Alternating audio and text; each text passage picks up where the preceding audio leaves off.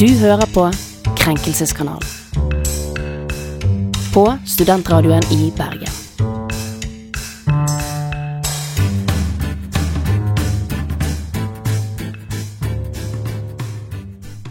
Hei og velkommen til en ny episode med oss her i Krenkelseskanalen. Jeg heter Emma, og er med meg i studio i dag så har jeg Toremann, Hei, hei. og jeg har med meg Sunniva. Hei, hei. Synnøve. Sunniva. Vet du hva? Jeg har faktisk skrevet deg opp som personlig krenk på Sunniva. Det er derfor jeg har tatt Sunniva, tror jeg. Det er, ja, det er sånn jeg har fått kallenavnet Sunny, fordi folk ikke husker om jeg heter Sunniva eller Synnøve. Det er sant? faktisk. Det var sånn det starta. Ja, og så har jeg faktisk akkurat avtalt med en venninne av meg som heter Sunniva, hvordan vi skal feire bursdagen vår neste år. Ja, jeg Så det er er bare det som forvirrer. Beklager, Synnøve. Det er selvfølgelig skjønne Synnøve som er i studio med oss. Hvordan skal dere feire bursdagen? Vet du hva? Eh, hvis det blir noe av, så skal meg og Sunniva Vi skal til London og feire min Oi. 22-årsdag og hennes 21-årsdag i Diagon Alley. Wow. Harry Potter-settet. Sparer oh, ikke på noe. Tar oss noen drinks i eliksirbaren. Og oh, vi er veldig altså. Jeg er nok mer, men vi er barnslige fan av eh, Harry Potter. Mm, Spesielt derfor er jeg, jeg hørte på Potter-generasjonen for første gang eh, etter forrige sending, og jeg begynner å få denne interessen vekket til liv igjen. Så jeg eh, tror kanskje jeg må hive meg på. Ja, altså jeg har bare hatt lyst til å se Altså jeg har lyst til å ta det der kleine bildet på King Cross Station der jeg hopper Ja, med med den den, der trallen. Dere vet at det er en sånn tralle foran deg nå, Ja. for at folk ikke skal hoppe inn i muren. Og det, det er derfor han har Ja, for det var et problem at kids trodde de var magiske, og liksom spurtet Åh. inn i veggen. Så nå har de satt opp den statuen, sånn at det ikke skal være mulig å gjøre det Det lenger. er, det er sånn jeg syns er Åh. Det er jo bare nydelig. Ja. Det er i hvert fall Det er min uke. trist, det. det er liksom meg som ror meg ut av at jeg kaller deg for Sunniva. så det- Beklager. Eh, har dere hatt en grei uke? ja. Det vil jeg si. Ja, jeg har vært på festival i helgen, så jeg har kost meg. Du har vært på festival. Endagsfestival, da. Så deilig, da. Ja, for det der skal vi eh, Den har ikke vært krenkefri for Synnøve sin del. Så når Nei. vi eh, kommer tilbake, da eh, smeller vi i gang med ukens personlige krenk. Å ja.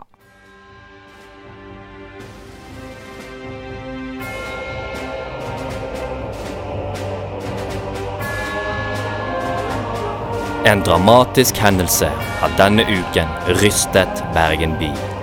En i Krenkelseskanalen har blitt offer for en personlig krenkelse. Vi er tilbake, og du hører fortsatt på eh, Krenkelseskanalen.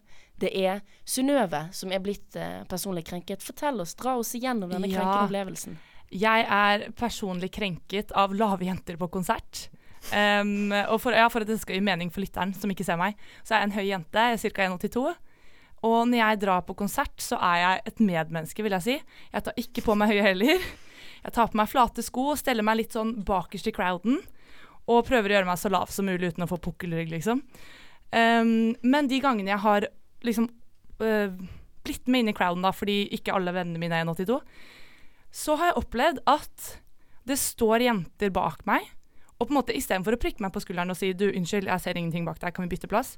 Så står de bak og snakker litt sånn høyt, sånn at jeg skal høre det, og sier sånn øh, Ja, sier liksom åh, jeg ser ingenting når hun står rett foran meg, må hun stå akkurat der? Å herregud, så sykt irriterende, herregud, jeg ser ikke noen ting, jeg. Og så står de sånn liksom rett bak meg, da, mens jeg står der og bare Mm. Er det meningen at jeg skal snu meg nå og bare Ja, selvfølgelig kan det komme foran. Jeg får jo ikke noe lyst til det. Så da står jeg der bare i en stor personlig krenk og tenker at eh, nå kan Lise på 1,50 stå bak seg. Altså, da kan hun bare bli der og kose seg. Fordi, ja. Mm. Så det er min personlige krenk. Så du straffet eh, oppførselen hennes med å late som du ikke hørte henne? Ja. Bare, for jeg, jeg kjenner jo igjen frustrasjonen. Når jeg, liksom De gangene jeg har fått en fyr på 207 stående foran meg, så er jeg litt sånn åh, måtte han stå akkurat der? Men da kan man jo bare spørre om han kan gå foran. For det er ikke noe problem for han at jeg på 1,80 står foran han. Nei, nei, Akkurat som det ikke er noe problem for meg at en jente på 1,50 Mm. står foran meg. Jeg ser jo lett over henne, liksom. Så det Ja. Det er, Ja. Det er min personlig krenk jeg ikke krenk. kan uh, forstå meg på som sådan. Måler 1,63. eh, mer problemet at jeg Men jeg hadde aldri vært Jeg hadde bare sånn Jeg hadde gått foran deg.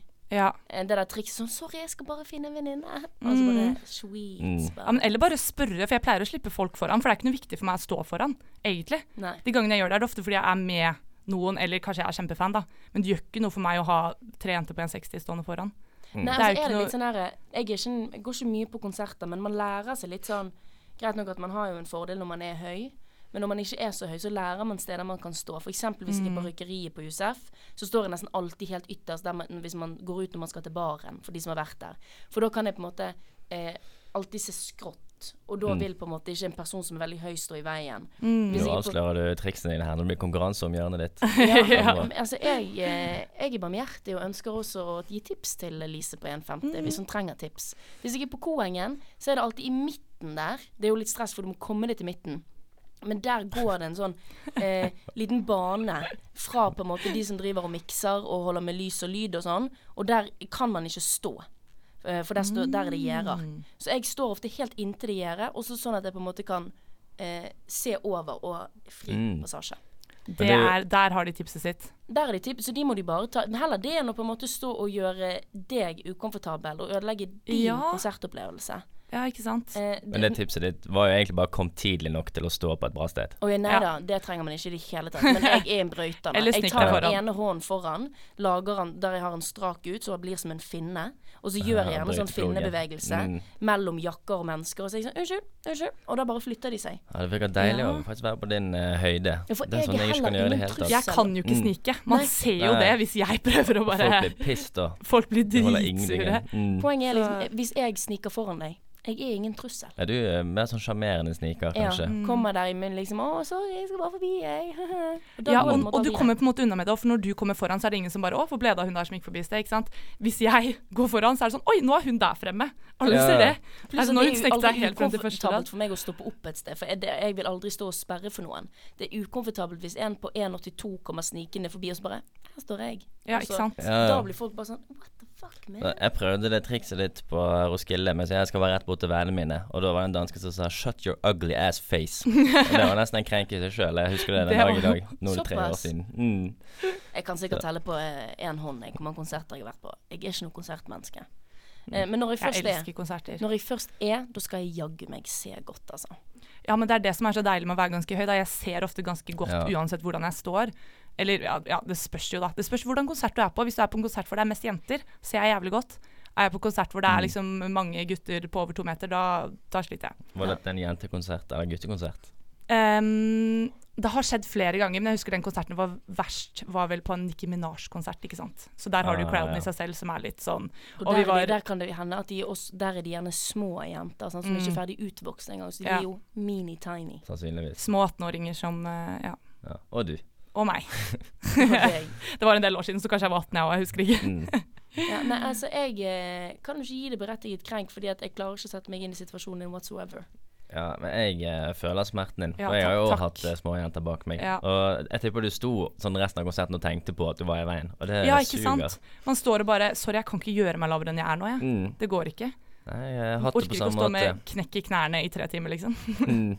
Ja, Nei, du får min du, får ikke, sympati. du får ikke berettiget krenk fra meg, Synnøve.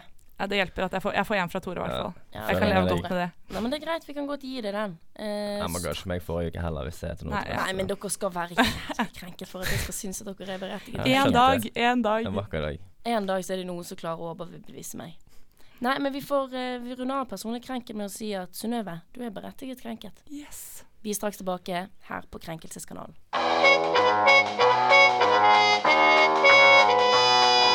Du hører på Krenkelseskanalen.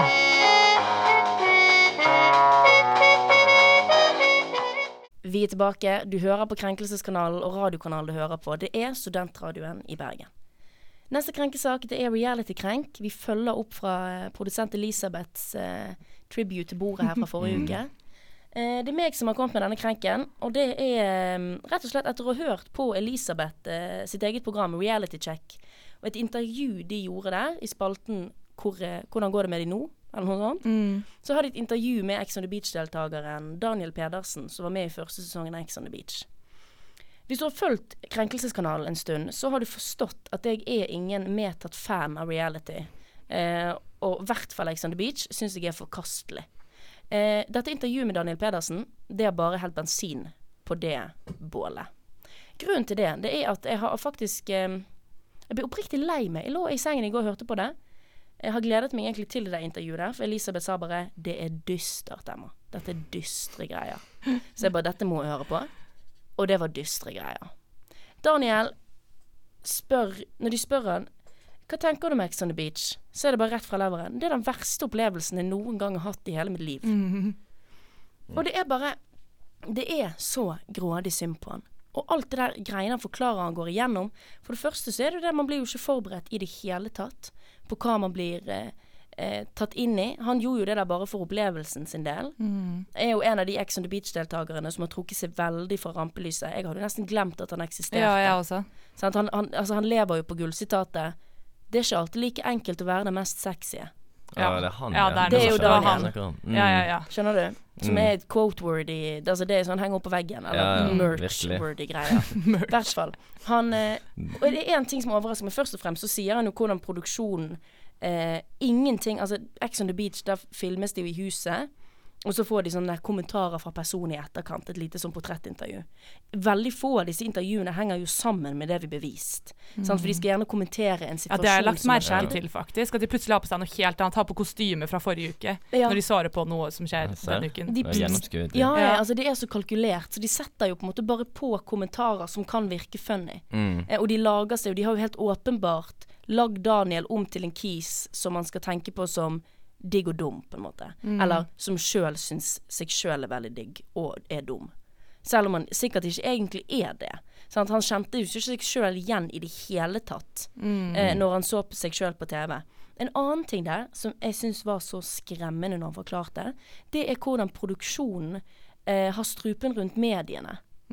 Og alle som skulle intervjue Daniel i etterkant av Ex on the Beach, det måtte bli godkjent av produksjonen, og det er produksjonen som velger hvem som skal intervjue, hvordan intervjuet skal vinkles, og hvordan det skal settes på trykk. Mm. Så Daniel var jo knallklar fra slutten, og, eller fra starten av, og slutten av Ex on the Beach når han kom ut, at dette her var en helt grusom opplevelse.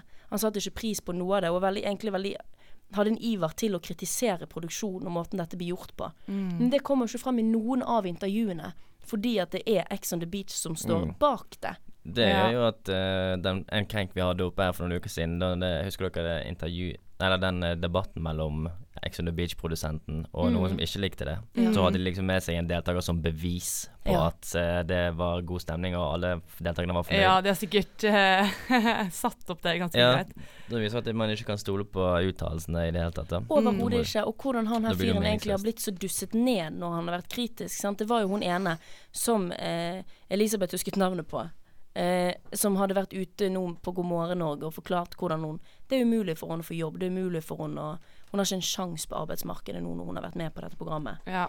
Eh, Akkurat det er jo litt forventet, da. Det Det er forventet, bare det. Men det altså må man jo sånn, på en måte forstå når man eh, melder seg på. Men, jeg, eh. Men hun er jo også ute med at hun hadde psykiske Altså hun slet veldig psykisk i etterkant og syntes oppfølgingen fra produksjonen var helt elendig. mm, Eh, og det er jo det, det er det som er greit nok at det på en måte kan være litt sånn krass og at alle som melder seg på er idioter og sånn, men det, det mener, mener jo til dels òg for så vidt. sant? Men poenget er jo det der at man lager til et program hvor man inviterer med mennesker, og så er det produ altså så er det produksjonen som skaper en karakter ut av det.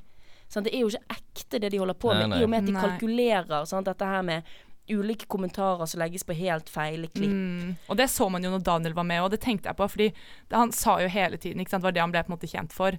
At han sa hele tiden sånn der, Å, jeg er den diggeste i huset, og jeg er den kjekkeste i huset. Jeg er den ja, hele tiden. Mm. Men det var flere ganger han sa det, hvor jeg så at det var akkurat det samme klippet som de viste for ti minutter siden. Ja. Så han har kanskje bare sagt Han sa det jo ofte, men han har ikke sagt det så ofte. Det var mange av de klippene som ble vist, på en måte, og kanskje han svarte på noe helt annet, egentlig. mm. Og de har sikkert spurt 'Hvem er du i huset?' ikke sant? Og så har han svart det to-tre ganger. Og så, Ja, det er sånn teit. Ja, jeg ble vel kanskje den diggeste, da. Ja, ikke sant? Og så har det blitt brukt ti ganger Ja. i en episode.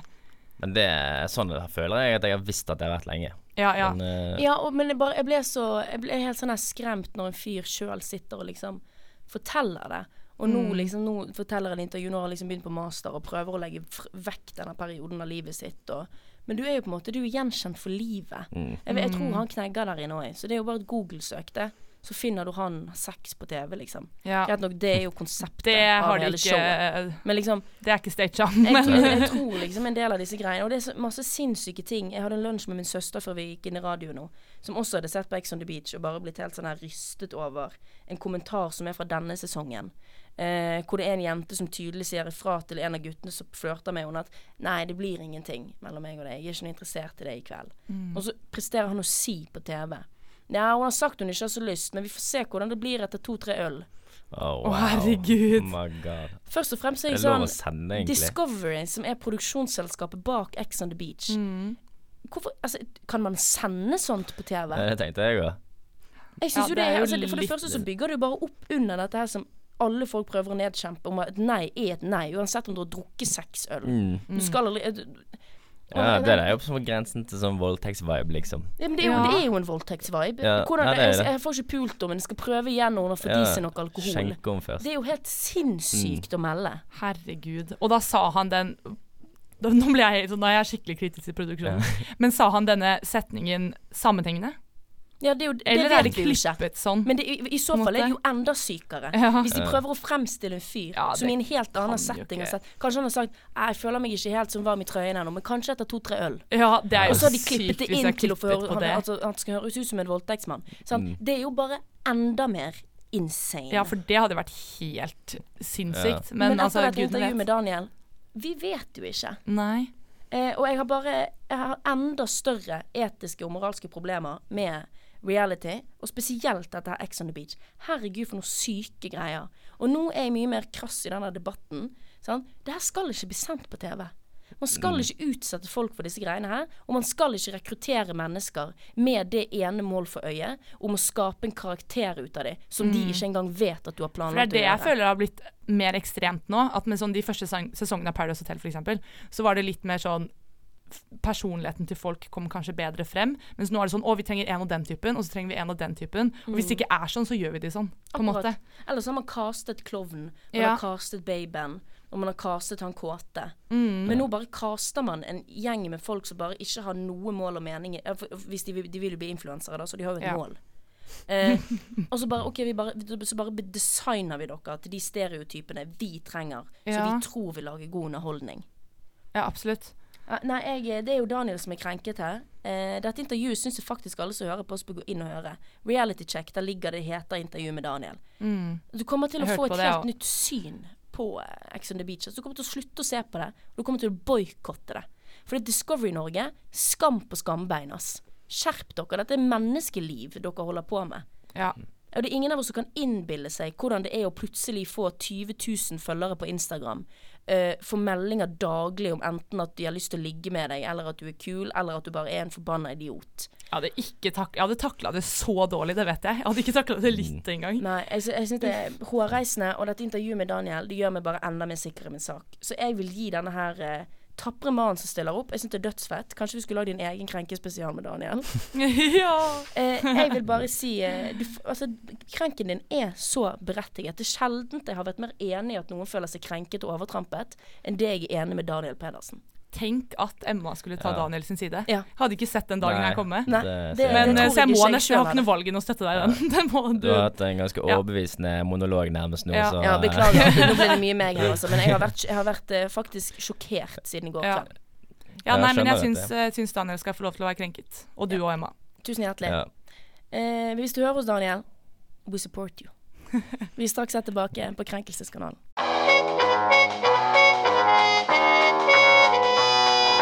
Du hører på Krenkelseskanalen.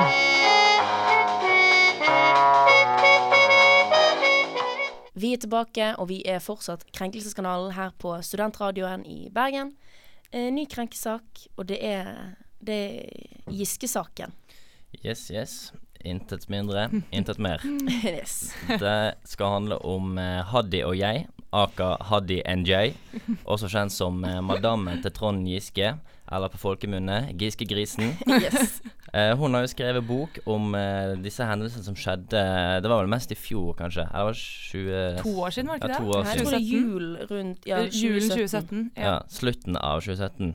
Eh, da Giske ble anklaget for diverse saker eh, der han hadde seksuelt trakassert ulike unge jenter. Og dette opplevde selvfølgelig kjipt for eh, konen, Haddy og jeg. Og eh, hun har skrevet en bok om, det, om hvordan det opplevdes. Og det hun har fått kritikk for nå i ettertid Folk er krenket av boken fordi hun da setter spørsmålstegn ved om disse varslerne virkelig hadde en sak å varsle om. Ja. Hun påstår vel egentlig at fire av disse fem varslerne egentlig bare er løgn. Mm. Den eneste som er sannhet, er jo den Giske sjøl har innrømmet. Ja. Ja. Mm. ja. Og da blir folk eh, pissed fordi hun eh, sverter kvinnesaken. Mm. Og gjør at det blir vanskeligere for kvinner å varsle i fremtiden. Mm. Så det er vel det krenken eh, går ut på. Ja, altså, det her er jo eh, At Hadia er krenket, det er på en måte ikke så interessant for vår del. Det er jo på en måte de hun har krenket. Ja. Eh, og greit nok at det kan Altså sånn eh, Saken her For det første så skjønner jeg ikke hvordan man gidder Hun mister litt min troverdighet. Fordi at en sak som tydeligvis har gått så mye inn på familien din og deg at du har liksom ikke visst hva du skal gjøre av deg, eh, har endelig begynt å roe ned. Ja. Din mann begynner sakte, men sikkert å komme seg inn i politikken igjen, på et vel å merke ganske lokalt nivå. Men det begynner å gå sakte, men sikkert oppover. Og så skal du tjene penger på det. ja. Jeg blir litt sånn Tror du det er det som er motivasjonen der? Eh, Jeg tenker jo eh, alltid jo det verste om alle. ja. Det, jeg tror det er mye viktigere for henne å liksom opprette familiens skolenavn riktig. Ja, det tenker jeg også. Mm. Å få ut på en måte sin side, Ja. eh, Ja, kanskje. Nei, altså jeg bare Jeg, jeg, jeg Har ikke de nok cashflow fra før, da? Har de det? Jeg vet ikke, Cashflow hun er jo på? TV hele Hva skal. Giske få cashflow fra? Han har jo ikke jobb. Nei, men hun er jo på TV, Det er det, ofte. da. Ja, Skal vi søke kanskje. opp? Eller jeg så henne i hvert fall en gang rundt juletider. Eh, så er det jo ikke sånn at. NRK-journalister tjener mest i verden, da. Nei. Nei, jeg aner ikke altså, jeg, bare, jeg, jeg bare syns, jeg syns det er litt viktig å stille spørsmål Ja. ved eh, hva er egentlig agendaen her. Det kan Mm. godt hende at dette er som dere sier. Hun, som hun sier sjøl, det er viktig at denne sa siden kommer fram. Og jeg kan godt synes det kunne vært interessant å lese en bok om hvordan det har vært for konen til den som har stått i med en metoo-storm. Ja. Jeg ville gjerne lest Hillary Clinton sin dagbok fra Nobel Clinton hadde kost seg med Monica Lewinsky. ja. Hvordan det er som kvinne å stå i en sånn situasjon, Ja. det kan jeg finne interessant som lesestoff. Det er jo bare det at måten dette her er gjort på, sant? å forklare om sine egne følelser rundt det. Eh, sine egne eh, Hvordan er det når man finner ut at mannen din kanskje har begått noen sånne her lovbrudd? Sant? Det er jo ikke eh, sånn sett lov, men altså vedtakslovbrudd er innad i partiet. Eh, men problemet for min del er jo måten hun prøver å sverte troverdigheten til varslerne. Mm. Sant? Ja. Ved at hun eh, avfeier de som løgn. Eh, hun har et sitat som jeg, jeg må bare få lese opp. Det her er fra side 329. Da skriver hun Samtidig klarer jeg ikke å dempe brølet i meg som sier, at, sier det jeg ikke kan si. Det er så mye jeg ikke kan tenke, at dette er helt urimelig. At det som er påført oss, er så mye mer gjennomgripende jævlig enn det hun opplevde den dagen. Ja, ikke sant. Og det kan ikke hun si noe om. For jeg syns, jeg syns på en måte det at hun skriver en bok om sitt synspunkt, er på en måte greit fordi det er sakprosa, men det er jo også diskutert. Kan man si alltid sakprosa, egentlig? Men når hun på en måte begynner å si noe om hvordan dette her har føltes for varslerne, der syns jeg går litt for langt, for det kan ikke hun vite noen ting om. Nei, men så er det også liksom dette her med at eh, skal Det er jo helt utrolig i den kvinnen Altså, metoo har selvfølgelig også avdekket mye eh, Altså mye grusom oppførsel også mot menn. Men sånn, det er der, det kan, der kan vi generalisere og si at det er på en måte Det er kvinner og kvinners rolle som kommer sterkest ut av metoo-kampen. Det er de rollene som er blitt styrket. Ja. Eh, og da syns jeg det er helt utrolig som kvinne, og du sjøl anser det som feminist, at du kan tillate deg sjøl å legge ansvaret på hvordan du føler det. Eh, Og hvordan mannen din føler det, som har seksuelt trakassert en kvinne. Og du legger det ansvaret på kvinnen han har trakassert. Ja. Ja. Meg det er det det som blir det er så vridd ja. å gjøre, og det er så ekstremt. Og samtidig avfeier du det hun sier som at det hun forteller er løgn. Mm. Og for det første så tror jeg dette her må være helt Det er ikke sånn. Og så lager liksom en konspirasjon rundt dette her. Eh, det er jo selvfølgelig masse rykter rundt Hadia Tajik òg, der alle disse ryktene her er selvfølgelig helt sanne. I denne boken. De kommer, det er en konspirasjon i partiet, og man har hatt lyst til å presse ut eh, Giske, som har vært trolig neste leder i Arbeiderpartiet. Ja. Så det er liksom Det er jo en konspirasjonsbok som det på den måten hun har lagt den fram, får stående igjen som faktaopplysninger. Ja, ja. Mm, Men man må jo ikke ta det som fakta heller, tenker jeg. Men det er jo vanskelig når Altså, det er jo psykiater som har gått ut også og kritisert. Jeg har sagt sagt at dette her for det første sagt- kommer det til å bli en påkjenning for For de som har varslet. Og folk som eventuelt skal varsle i framtiden. Ja, ja altså, absolutt. det å gå på et parti, sant? disse her jentene som har varslet, det er ikke folk med høye stillinger i partiet. Mange av de har jo vært AUF-ere når Trond Giske har gjort affære. Mm. Sant? Det er folk som har brent for politikken. Eh, og har ikke ennå fått dette her broilerinstinktet som man gjerne får når man går opp i vok voksen, eller moderpartiene. sant? Ja. Som bare har fått ødelagt alle sin, altså sitt politiske engasjement pga. Trond Giske. Mm. Mm. Og det, ja, jeg, jeg, jeg syns det blir liksom Det blir helt hårreisende. Og hun har jo også vært inn- Du kan jo fortelle litt om kritikken til Lindmo. Ja, fordi hun var jo på Lindmo nå forrige fredag. Eh, og det intervjuet har jo fått Det er det hun psykiateren har gått ut og kritisert. da. At hun på en måte får lov til å komme på Lindmo til en kollega og på en måte promotere eller snakke åpent om boken hun skal gi ut. Og, at, eh, og så har Lindmo fått kritikk for at hun ikke er nok kritisk. Hun stiller vel det eneste kritiske spørsmålet når jeg så dette intervjuet, var egentlig at hun spurte om må du egentlig gi ut denne boken nå, nå som på en måte stormen endelig har roet seg? Må du liksom rippe om. opp i alle disse sårene nå? Ja. Um, men så er det på en måte ellers så stiller hun jo ikke sånn veldig kritiske spørsmål. Nei, ikke i det hele NRK tatt. Jeg har gått ut og sagt at de er veldig fornøyd med intervjuet. Men ehm, Det- ja, nei, det er det som er litt Jeg skjønner ikke ja, ja. at folk tar henne seriøst i det hele tatt. Hun i år har et, et emne som heter eh, kildebruk. Og hun eh, er jo en klassisk uh, kilde man må ta med en bøtte med salt. Mm, for, ja. eh, for er ikke det bare sånn typisk forsvarsmekanisme, akkurat som eh, klimafornektere?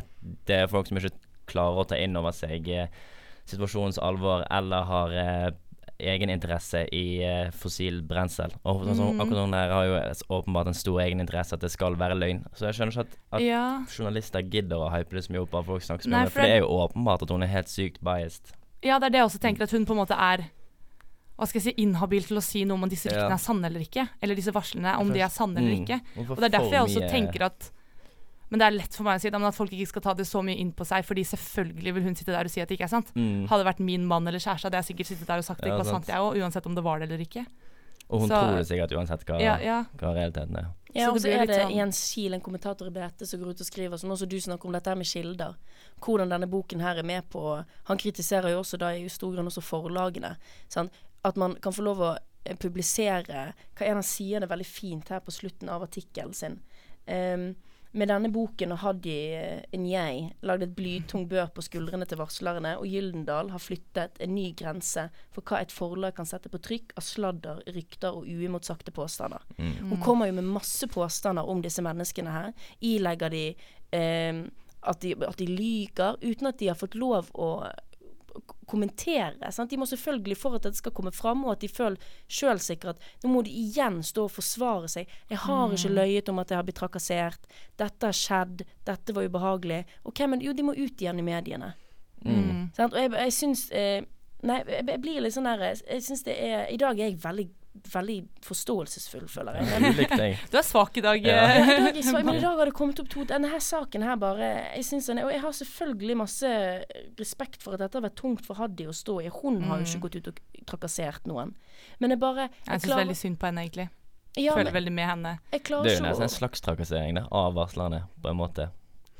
At, at jeg syns synd på henne. Nei, eh, det hun gjør i boken sin, det hun skriver Det er om jo kjempetrakassering. Ja, At du stiller spørsmål ved deres troverdighet. ja. Ja. Det går ikke an å bryte de mer ned enn det. Og så er det greit nok at vi liksom Det er ikke sånn sisters må stå opp for hverandre. Men at det også er en dame som gjør det. En så profilert dame som er kjent for god, god journalistisk arbeid, samtidig som hun er en underholdningsjournalist. Sant? Folk kjenner Ja, henne, folk ja. har tillit til henne. Og så går hun ut og eh, stiller spørsmål ved deres tillit igjen. Det må, være, det må være helt grusomt. Og jeg skjønner at dette her kan påvirke fremtidige varslere. Mm. Eh, Ja. sant? Man tør ikke å legge seg opp mot et sånt regime Nei, nei. igjen, når konen, som er en profilert norsk kjendis, skal gå ut eh, og kanskje skrive en bok om deg hvor du blir kalt for en løgner. Ja, men det er kanskje det som er litt problematisk med den boken nå, fordi det er jo sakprosa, det er en dagbok hvor det bare er hennes meninger som kommer frem. Men hun er jo journalist, så da er det jo vanskelig å lese den boken som bare en eh, novelle, holdt på å si. Som er subjektiv Ja. Ja, som er subjektiv. Man tenker at det er en objektiv gjenfortellelse av hva som har skjedd, men det er det jo ikke. Men det er jo vanskelig å skille det fra hverandre når hun er en offentlig kjent Mm. journalist. Men så er det det disse jentene får ikke komme på Lindmo og forklare seg. Sant? Det er det Haddy som gjør, fordi at hun jobber der, og fordi Ja. at Anne Lindmo sikkert er en god og nær kollega. Altså det Mm. er alt med dette her. Det er bare mak Hun sitter på Lindmo og snakker om hvordan Trond Giske ikke har tatt inn over seg den maktposisjonen han har. Det har Mm. jo for faen ikke du heller. Mm. Sant? Du må jo forstå hvordan dette må føles på de som i et makthierarki, et såkalt uformelt makthierarki, der du er så utrolig mye høyere opp enn det disse her varslerne er. Ja. Nei, jeg, bare, jeg syns det, synes det er hårreisende, og de har min fulle sympati, og de er selvfølgelig berettiget krenket. ja. Ja, det er jo det jeg er i. Ja. Nei, jeg kan liksom se begge sider som, som alltid. Men uh, fordi jeg ser på en måte uh, Haddy sin side når hun liksom var på Kvelden for kvelden i 2017. Satt der med et smil mens liksom eh, mannen nettopp hadde blitt beskyldt for eh, seksuell Ja, trakassering. ja, det det- det så jeg det jeg skjønner på en måte Jeg skjønner at det har vært vanskelig for henne. Men jeg vet bare ikke helt om dette er den riktige måten å gjøre det på. Og Nei. det blir veldig feil for alle de som da har varslet, og de Mm. som sitter og vurderer om de skal varsle om noe. Mm. Uansett om det handler om Giske eller om det handler Ja, om noen andre, så er det på en måte en veldig sånn slag i fleisen. Ja, ja, enig. Bare fordi du har opplevd noe kjipt, så betyr ikke det at vi kan tilgi at du gjør noe kjipt. Ja, ikke sant? etterpå. Det er litt det. Nei, det er akkurat det. Så Nei, nei, jeg er enig. Ja. Mm, De er berettiget krenket, disse her Ja. varslerne. I Yes. aller høyeste grad. Hilsen oss i Krenkelseskanal. Vi Ja. gir dere vår sympati. Vi er straks tilbake.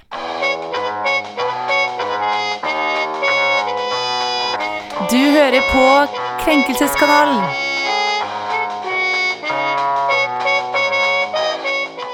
Vi er tilbake, og det er fortsatt Krenkelseskanal her på Studentradioen du hører på. Og det er Synnøve som skal ta oss gjennom eh, neste krenkesak. ja, fordi det har seg slik at Pia, som er hestejente og kokk, har spist sin egen hest, og det har gjort alle de andre hestejentene forbanna. Eller Forbanna og forbanna. De har jo for faen truet med å drepe henne. Ja, de har blitt uh, jævlig forbanna. Dypt Um, krenket. dypt krenket, rett og slett. Um, fordi de mener da at hesten er din beste venn, og særlig hvis du Mm. eier en hest, så har du et nært forhold til den hesten. Uh, og at det da ikke er riktig å spise den, selvfølgelig. Mm. Um, mens eh, Pia svarer jo på den kritikken eller eh, krenken at hun uh, er vokst opp på gård og er kokk, og har på en måte det forholdet til, til dyrene. At hun er Mm. vant til at det kommer en slakter og slakter, og så spiser man det. Og hun hadde hatt Hesten ble syk, da, og ble slaktet for eh, noen år siden og har ligget i fryseren. Så var det litt sånn Ja, vi skal ikke bare ta oss og spise den. Så eh, Og jeg kan forstå For jeg tror dette handler egentlig om at folk ikke helt vet hva de spiser. Så når de får det sånn rett i fleisen og bare shit, det kunne vært min hest, så Mm. klikker det for folk. Men så spiste de fårepølse på brødskiva til frokost. Ja, de spiser pølser til middag hver dag. Så jeg kan liksom Jeg kan på en måte Altså, jeg er til og med veggis, men jeg kan se Pia sin side. Altså, jeg syns Ja, ja, Pia er helt innenfor. Ja. Ja, er du gal? Altså, all, altså de, majoriteten av de som kritiserer henne, er garantert kjøttetere. Ja. Som Ja, spiser ja, hest det er akkurat hele det tiden. jeg tenkte på. At de, altså, Så argumentet faller jo på sin egen urimelighet med en gang. ja, de vet bare ikke hva Fordi hvor skal grensen gå, da? Hvis du kan uh, spise noen andres hest, men ikke din egen? Ja, sant. Det blir jo litt sånn Det er jo bare helt tullete. Ja. Det er sånn som min onkel sier, at byfolk tror uh, indrefileten vokser i butikkhyllene. Ja, ikke de, sant? De, skjønner jo ikke sammenhengen, liksom. Ja, det er akkurat det det går på. Nei, og jeg synes Det er vel ingenting flottere enn meg. og jeg, altså Det der at jeg er oppvokst på gård, det er et godt og rimelig argument. Mm. Fordi at du har sett fra Du, du vet det du får på bordet. Du har sett hele prosessen. Du Mm. har Ja. ikke gått og handlet i butikken. Og greit nok, sant. Grunnen til at man ikke spiser sine egne hunder, er jo fordi at man, man blir glad i dem, og de får leve Mm. lenge nok til at kjøttet ikke er godt å spise. Og nå vet jeg ikke om hund er godt å spise i det hele tatt. Så klart, jeg, på en måte, jeg ser at dette kan provosere. Jeg syns det er dødskult at hun legger det ut, for jeg syns det er Ja. med å For det første så skaper det en debatt som Mm. igjen er med på å tydeliggjøre dette her, at vi har ikke forhold til det vi spiser, og det vi putter i Mm. munnen vår. Mm. Ja, for det er jo det det handler om, egentlig. Og hun sa jo det at ja, den uh, nedfryste hesten lå der i fryseren, da, og enten så måtte de jo kaste det ut og legge det i jorda, og Ja, ja. marken kunne spise det, eller så kunne bare- de hedre hestene ved å spise det selv. Ja. Ja, herregud, hennes, lage et eh, nydelig måltid ut av den. Det kan jo ikke ende på en bedre måte. Nei, det er det samme som at jeg vil at min kropp skal brukes til kompost, eller beste, Tenk om man kunne fått lov til å blitt en rose. Ja, det, Sant? hvor Eller, nydelig hadde ikke det vært? Å spise hesten, det betyr at du faktisk må drite hesten din ut. da det betyr det òg, men det, Ja, ja. altså, hvis du skal tenke så, Så langt mye på hva du spiser, da Det- tenker jeg at det det blir, litt, det, det blir litt voldsomt. ja. Men jeg tenker du Når vi først snakker om disrespect, bæsje ut sin egen hest Ja, det, altså, det er jo på en måte the circle of life. Så Ja, er respekt går det jo ikke. Da blir til jord uansett. Akkurat. Nei, jeg Vet du hva? Pia, du er tøff. Hun var ikke så gammel heller, var hun det? Nei, det hun så ung ut på bildet, i hvert fall. Ja. Ja. Så Nei, jeg syns det er knallkult, jeg. Og jeg vet ikke om hvis jeg hadde test sjøl, Mulig jeg hadde gjort det samme. Jeg vet ikke. Som sagt, jeg er ikke oppvokst på gård. Jeg har ikke den nærheten Nei, til det jeg- kjøttet ja. jeg spiser, for annet enn at mine foreldre er jegere, liksom. Mm. Men dette minner jo om Dere vet den der kinesiske festivalen som er hvert år? Ja, ja. Som folk klikker på Mm. fordi de spiser hunder. Uh, det, altså Hele det konseptet med at man hund At det ikke skal spise en hund, det er jo bare sosialt konstruert. Ja. Det, kunne, det er jo helt tilfeldig. De kunne like gjerne vært et, en kyrfestival. Ja, folk har jo begynt å ha, begynt å ha griser som husdyr, så snart ja. blir det vel ja, ja. Så eh, hvis du skal hate på hundefestivalen i Kina, så må du faktisk være veggis for at jeg skal eh, mene at du har noe å komme med. Ja, for det skal være det er bare, logikk det er Liksom. bare en sosial konstruksjon at Ja. du ikke skal spise en hund. Å spise en hund er akkurat samme som å spise en ku, Ja, egentlig. jeg er helt enig. Helt, helt enig. Eh, ingen berettiget krenk her i gården fra Krenkelseskanalen. Skjerp dere, herregud. Spis hesten din med god samvittighet. Ja. Hvis du først spiser kjøtt, så må du faen meg lære deg hvor kjøttet kommer fra. Ja. Ja. Fra jord har vi kommet, Ja, eh, til faktisk si jord skal vi bli. Nei, Ja. det var sikkert feil. Til uh, gourmet skal vi bli. Til gourmetmåltid skal vi bli. Ingen støtte her å hente i Krenkelseskanalen. Vi er straks tilbake.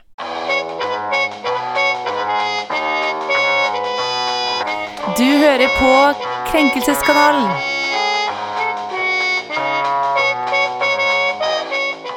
Krenkelseskanalen er tilbake, og vi er inne i vår siste krenkesak for, eh, for sendingen. Ja. Og det er Kari Jackoff, som vi kalte henne. Jackoff. Kari Jakkesson er tilbake og lager sprell. In, sett oss inn i dette her, Synnøve. Ja, for nå har det kommet ut en liste med nominerte til Plans jentepris 2019. Og det er da en pris som deles ut til personer eller organisasjoner i Norge som har gjort en eller annen ekstra innsats for å stoppe vold, overgrep og diskriminering av jenter. Enten i Norge eller i verden. Mm. Eh, og Kari Jackoff, hva kalte han det? Jerkoff. Jerkoff er på denne listen. Um, og det er også en som heter Kristine Marie Jentoft, Mm. eh, som da mener at Kari Jakkesson har hetset henne og ikke vil på en måte være nominert til den samme prisen som Kari Jakkesson, og vurderer å trekke seg om ikke Kari Jakkesson ble tatt av listen Yes. som nominert. Jentoft er jo eh, krenket på bakgrunn av at eh, hun er transkvinne. Mm. Eh, og det har jo Kari Jakkesson vi snakket om, og det begynner å bli lenge siden her i Krenkelseskanalen. Kari Jakkesson er jo uttalt veldig eh, skeptisk til transkvinner generelt. Hun mener jo Ja. at de har motiver. Eh, og mener jo egentlig bare at det er menn som eh, later som de identifiserer seg som kvinner, for å kunne for det første forgripe seg på kvinner og ta over kvinners posisjoner, maktposisjoner. Det er jo helt Veldig logisk logiske resonnementer der. Ja. Ja. Ja, men den damen er jo Ja, Ja, det det er, jo så, ja, så hun har jo da gått eh, Eller ja, sagt at hun Kristine Marie Jentoft eh, liksom søker ut barn. Hun har blitt beskyldt for å være pedofil, ja, egentlig, At hun aktivt går på unge jenter. Ja, Eh, og at når eh, Selvfølgelig, hvis du da tenker at Jentoft egentlig er en mann som lurer seg, og lurer folkene rundt til å tro at han er kvinne, for Ja. å komme i kontakt med barn, det er jo Jeg hadde ikke vært fysen på å bli nominert i samme kategori hvis jeg var Jentoft sjøl. Nei, ikke sant. Mm. Den kan man jo forstå veldig godt. Så det som da skjedde, var at hun ville trekke seg, og så ville jo vår kjære Ulrikke Falk også trekke seg. Og det var flere som slang seg på, så da ble Kari Jackson rett og slett bare tatt av listen. Og dette her, altså, Eh, jeg er ja. jo sikker på at Kari Jakkesson er psykopat. I hvert fall sosiopat. Eh, og det sier litt at hun har fått den krasse kritikken. Eh, alle som er av feminister og snakker om i Norge, har aktivt gått imot deg. Eh, Mm. Og vil ha deg av en prisutdeling, som for mange er en høythengende pris hvis du Ja. driver med liksom low-key feministisk arbeid i Norge. Mm. Og hva gjør hun? Hun driter i det. Hun Mm. driter så i Ja, det. for det er det jeg mente i sted. At eh, hun, jeg føler Kari burde vært krenket. Et Og så skulle normalt vi av- menneske Ville jo, ville jo vært, vært det. litt krenket, Ja, i hvert fall. Og så At skulle det er vi noe eh, som frem hun, til at de ikke var berettiget. Ja. Ja, ikke sant? Men det For kan vi hun ikke hadde liksom ja, Hun mener det at, eh, at Altså, hun Det var ikke noe viktig for henne å være på den listen i det hele tatt, er det egentlig det hun sier, da. Når hun forsvarer oh, ja, det, det, det, det kan hende. Det er litt sånn der uh, selvforsvar når hun først ble kastet ut sånn Ja, jeg driter nå i det. At hun egentlig syns det er stas, Mm. men jeg, eh, nå har jeg, jeg har aktivt fulgt Kari Jakkessons every move i ja, det? mange Du er en sann fan. Eh, nei, men jeg er mer eh, Altså, jeg har en sann fascinasjon. Når hun kommer opp i nyhetsbildet, så leser jeg det.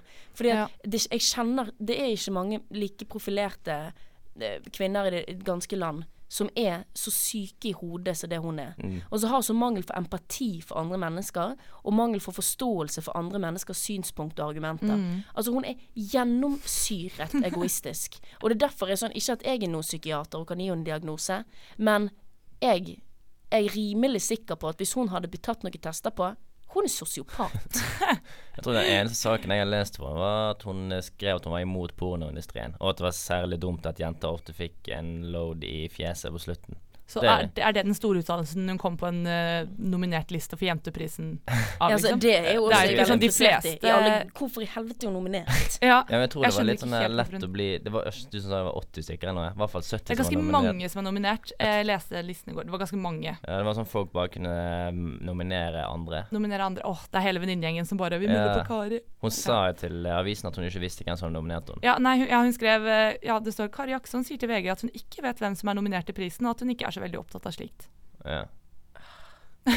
Kari Jakkesson, ass. ja, men det var sånn når jeg ikke ble valgt til elevrådet på ungdomsskolen, jeg sa ah, jeg driter jo egentlig i det. Ja, det har ikke noe å si for meg i det hele Bare, vet du hva? Jeg tror, altså, hun bare fortsetter dagen sin, hun. Sin syke, lille hverdag. Ja, Hun går rundt og bare tenker at hun er queen of the world. for de er mener liksom- at uh... Det er ingen kvinne Nå blir jeg hissig, for Kari Jakkesson er på en måte Faen, der klikker jeg, liksom. Men hun er den farligste damen for feminisme. Hun er sånn som gjør at folk kvir seg for å kalle seg feminist. Hva med Ulrikke Falk? Ikke, Ikke begynn med det på slutten av Dette her er mennesker som har Nå er ikke du Ulrikke, altså. Kari Jakkesson er en dame. Hun har ingen forståelse på hva feminisme betyr for noe. Hun bare går ut, eh, selvfølgelig med eh, kvinnegruppen Otter, som er en organisasjon jeg har mer Jeg har mer respekt for mannegruppen åtte enn jeg har for kvinnegruppen åtte. For de er faen meg syke i hodet, de òg. Å gå ut og bare ødelegge begrepet feminisme for alle oss unge jenter som ønsker å kalle oss det. Og det er bare Åh, Kari, jeg kjenner meg provosert av at hun i det hele tatt har blitt nominert til denne prisen. Ja, Med de uttalelsene hun har om, og på et Unge Venstre-møte. Dette her kommer inn på mangel hennes på forståelse av andres måte å argumentere på og meninger. Det er det et åpent møte om 8. mars-parole i Oslo, hvor det kommer en delegasjon fra Unge Venstre, som har på sitt partiprogram at de har lyst til å endre sexkjøpsloven. Mm. Helt legitimt å mene det. Jeg er jo uenig, men det er jo en politisk mening du enkelt kan få lov å ha. Det Kari Jakkesson da presterer å si, damen er 50 år gammel, disse her er unge 16-åringer, og går opp og ber de suge pikk eh, så og så mange ganger om dagen. ordrett, liksom? Ja, for å kjenne hvordan det er å være prostituert. Så kan du komme tilbake og mene at du har lyst til å endre sexkjøps... Altså, hun er bare Hun er så sinnssyk, det, denne damen her, at hun er farlig, liksom. Herregud. Hun kunne trengt litt mer PK, rett og slett. Ja. Det er om hun kunne. Men hun burde jo hun, hadde jo trengt en munnegard. Da trenger du mer. Munnegard. Å herregud. Min drøm i livet er jo å krenke Kari Jakkesson så mye. Men hun kan jo ikke krenkes for hun er sosiopat. Få hun her i studio. Sånn- hun har jo åpenbart sine ømme punkter, da. Sånn Ja, hvis Sexkjøperloven ja, og Hvis hun blir omgjort. Hvis det blir laget en pornofilm av henne. Du kan Kanskje- redigere Har inn ikke dere sett Har du har sett den til 3D-kontoret? Å nei, jeg har hørt mye om den. Jeg har ikke kommet så langt. Den er jo epic. Har det med henne å gjøre? Ja, herregud. Oh, ja. Trygdekontoret har jo brukt skattepenger på at det skal lages en egenprodusert kort pornofilm i eh, USA, hvor den ene karakteren er Thomas Seltzer, og den andre karakteren er Kari Jakkesson. Og de, altså det er Jeg er ikke for porno, og akkurat der kan jeg være enig med henne. At porno er noe forkastelige greier, og veldig ødeleggende for kvinner. Mm. Men akkurat den sketsjen der, på grunn av det er Kari jerkoff, så er jeg sånn Det er så tidlig. Navn gir mer og mer mening. Ja. Ja. Nei, den, eh, den skal jeg hjem og se, faktisk. Ja, da skjønner jeg hvorfor han fikk så mye hype, for jeg husker det var noen sexgreier. Å, gode gud. Og det som er det gøyeste eh, Hun ble jo dritkrenket og hadde tenkt å saksøke NRK. Hvordan svarer så, ja, NRK? De lager en volum to. det er så Det tidlig. Der leverer de. Ja, den, altså, hvis, herregud, Tore, hvor har du levd, liksom? Ja, jeg Jeg har har ikke hørt fått med meg det ryktene, her, men jeg heller. har ikke sett det. den må, Mm. folk, mm. den må faktisk folk inn og se. Når var dette? Og det, det, det er ganske mange år siden, altså. Ah, okay, men da er det Eh, ikke det er så før jeg. Krenkelseskanalen begynte, for det var en av Ja. Det godsakene vi hadde. Da er det rett før. Det var sånn to år siden. Nei, nei, nei, nei, nei, dette er lenge siden. Nei, Jeg husker det godt. Ja, men det, det er sånne ting som brenner seg fast i minnet. Ja. Eh, denne her Jentoft, i aller høyeste grad er du berettiget krenket.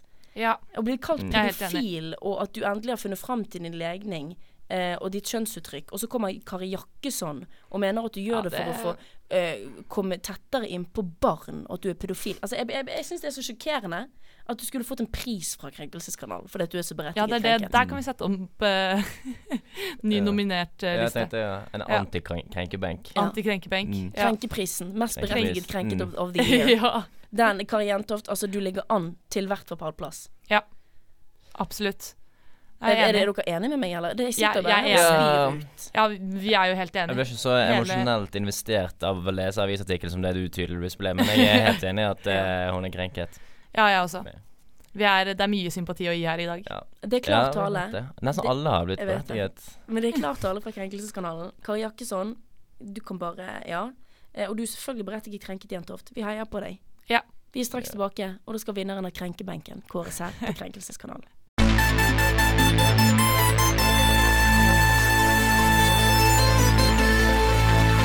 Er det noen som føler seg krenket?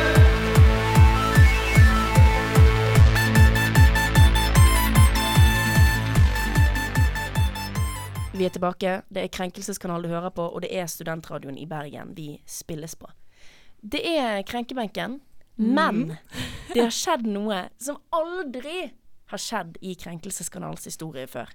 Det er bare én som er ikke berettiget krenket av de vi har hatt i dag. Det er faktisk I dag har. Synnøve blitt berettiget krenket. Mm. Daniel fra Ex on the Beach er berettiget krenket. Kvinnene og varslerne i Giske-saken er berettiget krenket. Og Kristine Marie Jentoft er berettiget krenket for sitt hat som hun har mottatt av Kari Durkoff. De som ikke er det, det er crazy hestejenter Yes. som mener at Pia, hestejente og kokk, skal ta livet av seg fordi hun Ja, har spist sin egen hest. spist sin egen hest. Det er jo ikke noe annet å si enn at de jentene kan ta seg en rolig sitt ned på krenkebenken. Ja. Mm. Tenke godt over hva dere spiser. Spise litt De som er vegetarianere De kan, det med i en annen Peter, de kan Mm. få lov å gå av benken. Ja. Men Ja. kjøttetende hestejenter som har eh, truet Pia på med drapstrusler. Ja. dere plasseres av Krenkelseskanalen Dere må gå av den høye hesten. Eh, Der er du på ball ballen. Nå er du oppe og nikker. Det var jo det vi hadde her i Krenkelseskanalen. Ja. Takk for at du har, hvis du har hørt på oss hele veien. Takk for at du har fulgt oss gjennom hele episoden. Vi er tilbake neste uke, som alltid. Følg oss der vi er å følge. Instagram og Facebook. Så kan du høre oss der du hører podkaster, både på srib.no, Spotify og iTunes. Vi høres neste uke. Ha det! Ha Ha det det.